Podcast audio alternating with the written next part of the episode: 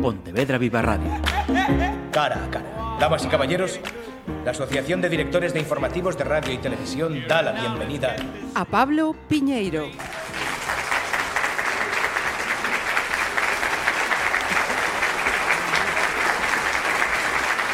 Hola, de vuelta también poco a poco los programas de Pontevedra Viva Radio. Retomamos esta vez el cara a cara, que va a ser más un teléfono a teléfono que, un cara a cara. Lo primero de todo y lo fundamental, saludar a nuestro invitado, Pablo Piñeiro. Bienvenido. Hola, ¿qué tal Marisa? Estamos hablando con un gallego, con un pontevedrés, que se encuentra en, en Madrid. ¿Tú vives en Madrid desde hace cuánto, Pablo? Pues mira, en octubre va a ser dos años que estoy por aquí. Dos añitos ya. ¿Y qué tal? ¿Cómo has llevado toda esta extraña situación que hemos vivido antes de hablar de tu libro? Pues mira, sinceramente, y no sé cómo los oyentes cómo recibirán esto, pero para mí fue uno de los regalos más increíbles de mi vida. ¿Sí? Eh, sí, ha sido una experiencia transformadora. Bueno, es que la verdad yo vivo en el centro justo de Madrid, al lado de, la calle Gran Vía, en una callecita que se llama Valverde. Bueno, mm. pues lo, que ha ocurrido aquí, independientemente de todo lo que me haya aportado esto a nivel introspectivo, escritura de nuevos libros, meterme en proyectos y demás desde mi casa, estuvo el momento eh, 8 de la tarde salir a aplaudir, ¿no?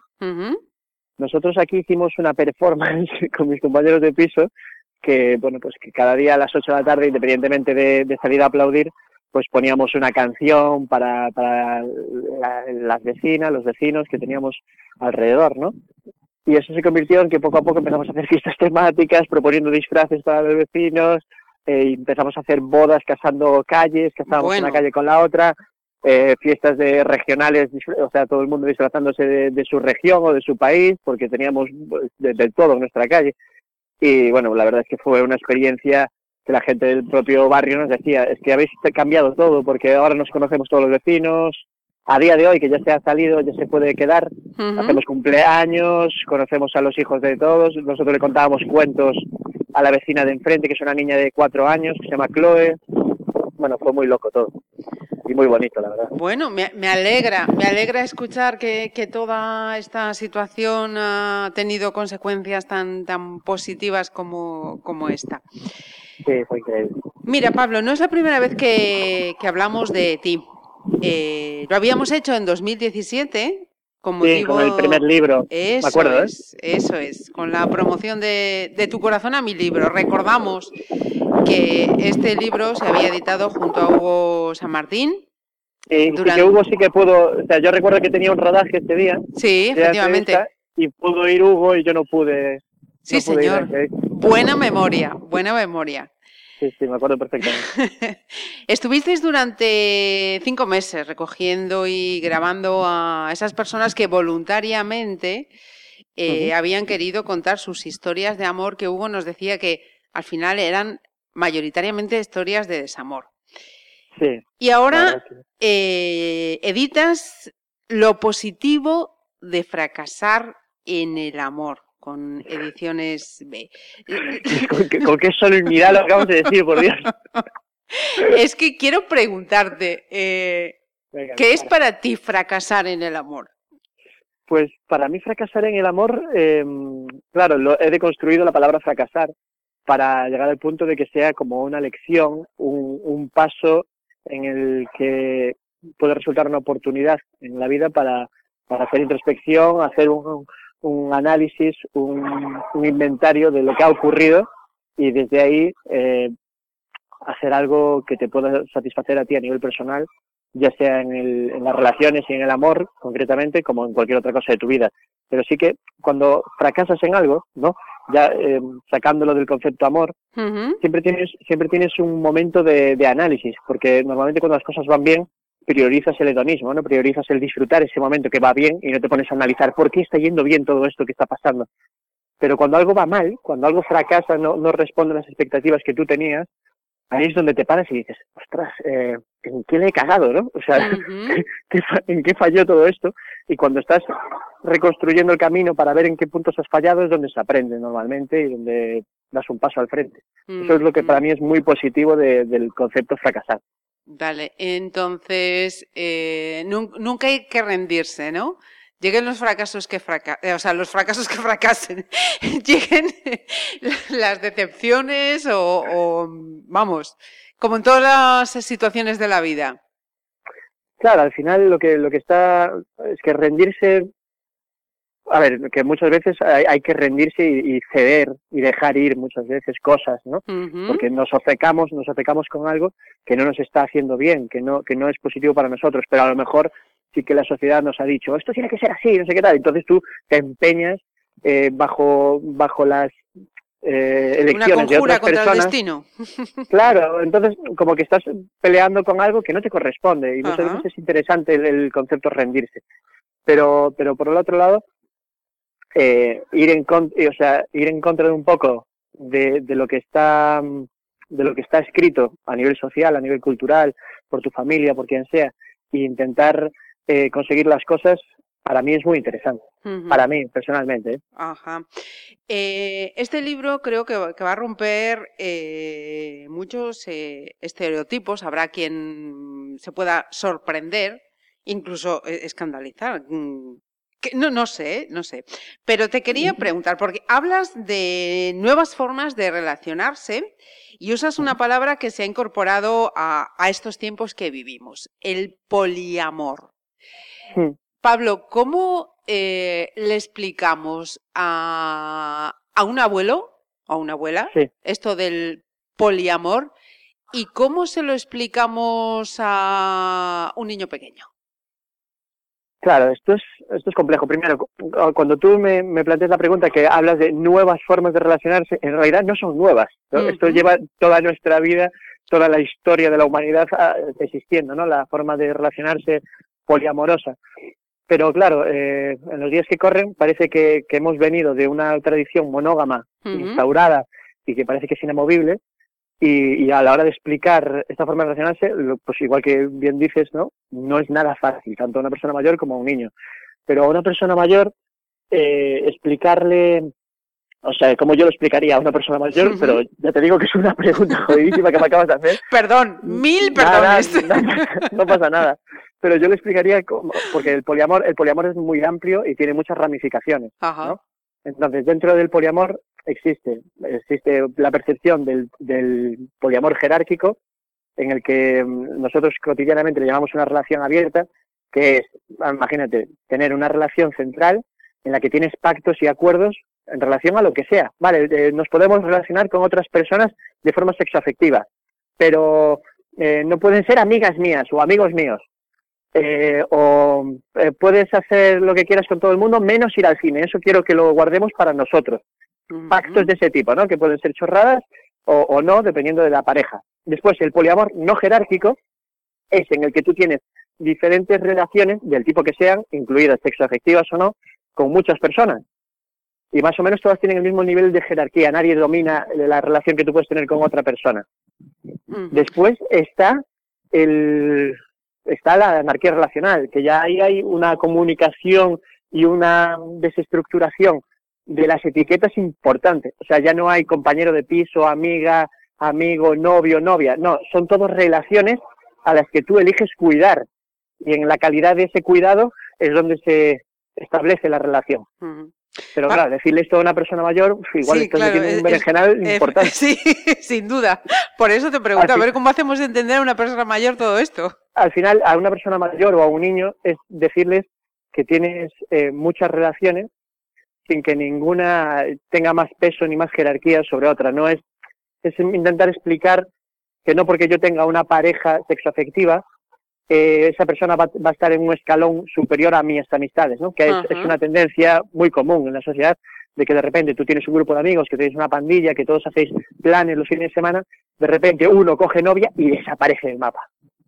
Pues, pues no, no está, por ejemplo, en la anarquía relacional, que es una ramificación de las que hablaba, no está esa, esa, ese empoderamiento de una persona en tu vida. Es tener muchas relaciones intentando tener un, una calidad en el cuidado de esas relaciones, que, todas que todas estén en tu vida y que todas, a todas le puedas dedicar en algún momento tiempo de calidad, sea el que sea, como si es alguien que no vive en este país, pero que es una de tus amigas o amigos de tu infancia, pero el momento en el que viene de vacaciones y tú puedes tomarte un café con esa persona, ese tiempo sea de muchísima calidad, porque de estar en presencia con esa persona, o en una llamada telefónica.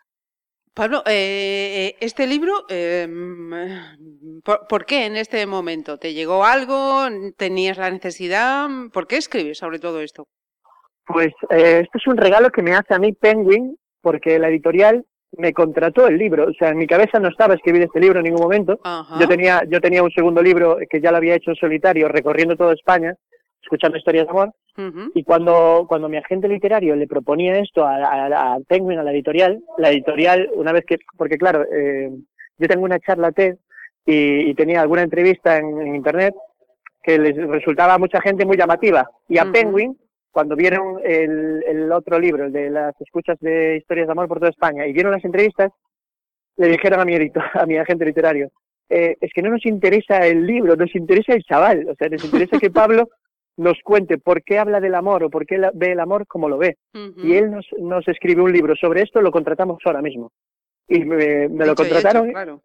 Claro. y yo este verano estuve en Galicia, estuve en un pueblo que hay al lado de mi casa, que, que cogí una casita allí en, en Castrelo, en Cambados, y, y me metí 15 días a escribirlo en una cabaña en medio del bosque, que, o sea, me dio un viaje increíble, o sea, fue un regalazo, porque de repente estaba repasando todas mis relaciones desde pequeño, analizando cómo me habían hecho sentir, cómo me hacen sentir a día de hoy, y fue, pues fue impresionante, la verdad. No, eh, al final, pues me di cuenta, por la, en relación a la pregunta, ¿no? De por qué en este momento y tal, me di cuenta de que yo creo que todo el mundo tiene que de vez en cuando dar un repaso a, a toda su vida, a cómo se ha relacionado, a qué ha hecho bien, qué ha hecho mal, y hacer pues ese inventario. Yo creo que es un ejercicio que debería hacer todo el mundo. Independientemente de que yo lo haya transformado en un libro y tal, solo como, como un diario, escribir y decir, va, pues quiero recordar cómo me relacioné con esta persona cuando yo tenía 12 años, por ejemplo. Me parece algún ejercicio interesante. Eh, sin duda alguna, sin duda alguna, Pablo. Em, mira, hablando de, de, relaciones, de, de, poliamores, ¿crees que, en esta sociedad, y más de la que estamos saliendo en este momento, ¿Estamos eh, preparados o nos siguen pesando todavía más los convencionalismos, las reglas, las normas? Yo creo que siguen pesando los convencionalismos, las reglas y las normas, porque venimos de una de una tradición judeocristiana que pesa muchísimo en esa sociedad. O sea, es ineludible. Y de construir todo eso, de construir los parámetros relacionales de la monogamia, eh, yo te lo digo por mi experiencia propia, porque yo lo estoy viviendo día a día y sé, sé todos los, los tabús, todo, todo lo que implica de construir eso en lo que desde pequeño, o sea, tú naces, en el momento que sales a, sales a la vida, es muy raro que, que unas personas se relacionen de una forma que no sea la monógama. Entonces, de construir todo eso, ir en contra de esa marea, pues muchas veces te encuentras con, con dilemas personales que son muy difíciles de, muy difíciles de, de gestionar, como por ejemplo es la, la no pertenencia, o sea, entender que nadie te pertenece a ti, ni que tú perteneces a nadie, y que desde ahí puedes relacionarte con muchísima calidad. Todo eso nosotros nos explican que, que, tienes que buscar una pareja, que tienes que casarte con esa pareja para, para transmitir éxito a la sociedad, que tienes que tener hijos, porque si no la gente va a apretarte por ahí, que tienes que tener una casa, que tienes que tener un coche. O sea, es como todo un sistema consumista, capitalista, eh, y relacionalmente hablando, monógamo tradicional, que ¡buah! te empuja que tiene que ser de una forma y la deseabilidad social ahí también tiene mucho que ver. Todos te empujan a que tiene que ser así. Salir de ahí, sinceramente, es muy complejo, pero no imposible. Y yo creo que tiene, y, y, yo, en mi punto de vista, creo que es mucho más eficiente relacionarse de una forma libre que acotada por, por, por la monogamia. Ajá. por lo menos eh, vislumbrar que hay otras formas de relacionarse y que son igual deficientes que esta. De relacionarse y de vivir. ¿Cómo? De relacionarse y de vivir. Con todo eso que acabas de decir, claro. Sí, si lo trasladas, es que si lo trasladas a cualquier otro punto de, de la vida, a la política o a, o a la cultura, eh, es muy eficiente entender, entender la libertad para todo, incluso para expresarse, para comunicar eh, o, para recibir algo que te están comunicando a ti desde el no hacerlo personal, entender que te lo están diciendo por un motivo que a lo mejor tiene que ver con cosas que tiene esa persona de su vida, de su infancia, de sus heridas, de sus traumas, y no tienes por qué hacértelo personal, solo que te lo está comunicando y tú tienes que gestionar lo que te comuniquen. O sea, es, como una forma diferente de, diferente, ¿no? Es que debería ser así para mí. Pablo, ¿y cómo está siendo esto de, promocionar un, un libro con todas estas limitaciones que todavía tenemos encima? hostia, pues esto sí que está siendo muy loco, ¿eh? Esto está siendo súper loco, porque de repente yo que donde veo mi fuerte y mi potencial es en hablar con la gente en, público, mm. en el tú a tú, ¿no? En ese traspase, en ese trasvase de energía del, del presente, ¿no? De repente me dice, eh, claro, yo mi cabeza, en mi imaginario estaba, guau, voy a presentar el libro en FNAC, en Callao, que está en el centro de Madrid, ya fui a ver la, el aforo que tiene, no sé qué, de repente viene la pandemia y dice, hasta luego, búscate la vida, pero eso no va a ser así. Y, claro, pues me, me, doy cuenta de la, de la potencia que tienen hoy en día y del nuevo paradigma a, nivel comunicativo que tienen las redes sociales. eh, claro, las primeras presentaciones, cuando el libro estaba en digital, eh, cuando uno había salido en papel, era, bueno, tengo que hacerlo digital todo, o sea, tengo que, que, que utilizar el Instagram, por ejemplo, para hacer un directo, invitar a gente que me pueda apoyar a tener una conversación de esta temática que pueda ser enriquecedora para la gente que la vea, la escuche. Y claro, ahí te das cuenta de la cantidad de gente a la que puedes llegar si utilizas bien eso, pero claro, para utilizar eso bien tienes que estar bien metido en la utilización de las redes sociales. Yo soy un gañán absoluto con la tecnología y todo lo que sea ordenadores, redes sociales y tal, muchas veces se me escapa. Entonces tienes que adecuarte a los nuevos tiempos, a pasos acelerados, para que la promoción sea lo más satisfactoria posible. Bueno, es que es un petate. Después, otra cosa es que, que la, la gente que tiene suscriptor, o sea, un suscriptor, una persona que te quiera ayudar, que tenga muchos seguidores detrás y que le, pases tu libro en momentos de pandemia, se lo envías por correo, no sabes cómo hostia hacer para enviarle el libro y que esa persona se saque una foto con tu libro y te la promocione en Instagram, por ejemplo, que es la red social como más, más potente para, para este promocionar algo. Entonces tienes que estar adecuándote a todas estas cosas, hablando con personas con las que has trabajado en algún rodaje, personas que por lo que sea son influyentes y te quieren ayudar y dicen, vale, yo te he hecho un cable, yo quiero leer tu libro, tal, y, y te lo promociono yo, tal. Entonces, adecuarse a todo eso es como para mí súper marciano, pero bueno, que cada día más normal. O sea, tienes que meterte en ese ritmo para, para, para, fluir en cualquier cosa que quieras promocionar. Exacto, para estar, para existir ahora mismo. Mira, por una parte me encanta y por otra me parece tristísimo. Sí, donde esté, donde esté el contacto, ¿no? Ese verse, aunque no podamos tocarnos, pero por lo menos eh, vernos. Es que para mí, es que somos seres sociales, o sea, la pandemia nos, nos lo ha puesto delante mucho, ¿no? Como que como que estábamos dentro de casa y era en plan, ya puedo tener un Rolex, un Mercedes, eh, la casa de mis sueños, que lo único que echo de menos es piel. Es abrazar a mi madre, que llevo no sé cuánto tiempo sin verla, que es grupo de riesgo, o sea, todo el tiempo es piel. Es querer ver, sentir, eh, escuchar su respiración. Vamos, fue lo que nos dejó claro la pandemia. Sí, sí. Mira, Pablo, em, el resto de facetas profesionales, ¿cómo van? Pues bastante contento, la verdad. Yo vine a Madrid concretamente con un objetivo de eh, promocionar más como actor, formarme más como actor y, bueno, en este año y poco más de y medio que llevo aquí, pues ya pude trabajar en varias series para, para plataformas como Netflix. Ahora estoy rodando Estoy rodando ahora con la segunda temporada del Vecino, que es una serie de Netflix para... Eh, que bueno, no sé cuándo la van a sacar, la verdad, pero estoy rodando y claro, era en plan, mi madre, momento pandemia, un artista, a ver de dónde saca eh, economía, es en plan, Dios ver qué hostia hacemos. Pero justo ya estaba acabando la, la, fase cero y a mí ya me llamaron para, para empezar a rodar y de repente era en plan, guau, qué maravilla. Genial. Oxígeno otra vez. Mira, y volviendo al, libro, quienes nos escuchen a través del streaming, a través del podcast, eh, ¿cómo lo pueden conseguir?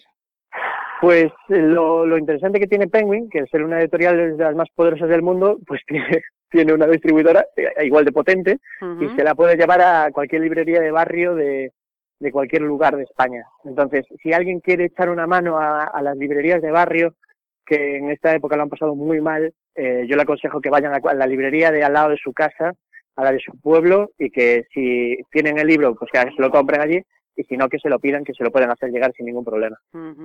y, antes de terminar, hasta has mencionado a, tu madre.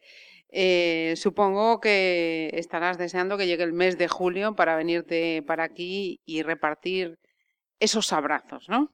Pues sí, la verdad es que es una situación muy complicada, ¿no? Porque eh, nos, nos han querido infundir y lo han conseguido a la perfección un miedo atroz a que pudiesen pasar cosas muy desagradables con las personas de ciertas edades. Entonces, te coloca más en, en la, en, la, en, la inquietud de querer hacer cosas y en la, eh, en la ansia, ¿no? Yo tengo muchísimas ganas de ver a mi familia porque porque la verdad es que se ha pasado momentos de, echar muchísimo de menos y de miedo de que pudiese pasarle algo, de, en las llamadas estar un mensaje continuo de oye, no hagáis esto, no hagáis esto, no hagáis esto, porque claro, también yo lo estaba viendo desde mi perspectiva Madrid, que no tuvo nada que ver con perspectiva Galicia, o Denan, que es, donde viven mis padres, ¿no? Porque ahí no ha pasado, es que aquí en Madrid era como salíamos a la calle y cualquier película apocalíptica me quedo, me, quedo corto con ellas. Por eso que, que sí, me encantaría poder volver y, y repartir muchos abrazos, la verdad. Como le digo a alguien, Pablo, ya queda menos. Ya queda mucho menos. Ya queda menos. bueno. Pues eh, nos alegramos de charlar contigo, que tengas mucha suerte con todos tus eh, proyectos eh, profesionales, con todos tus proyectos personales y que eso, cuanto antes llegue ese reencuentro, ¿vale? Pues oye, muchísimas gracias Marisa por llamarme, por, por, por pasar este rato con vosotros, que para mí fue un placer. Un abrazo. Un abrazo enorme. Virtual o telefónico, como sea. Queda, pendiente el personal. Vale. Cuídate mucho, Marisa, y gracias. Pontevedra Viva Radio. ¿Me permiten que les haga un comentario como espectadores del programa Cara a Cara? Según un reciente sondeo de mercado, ustedes disponen de estudios e inteligencias superiores a la media. Sus intereses abarcan desde la actualidad mundial y la ciencia hasta el deporte y los espectáculos.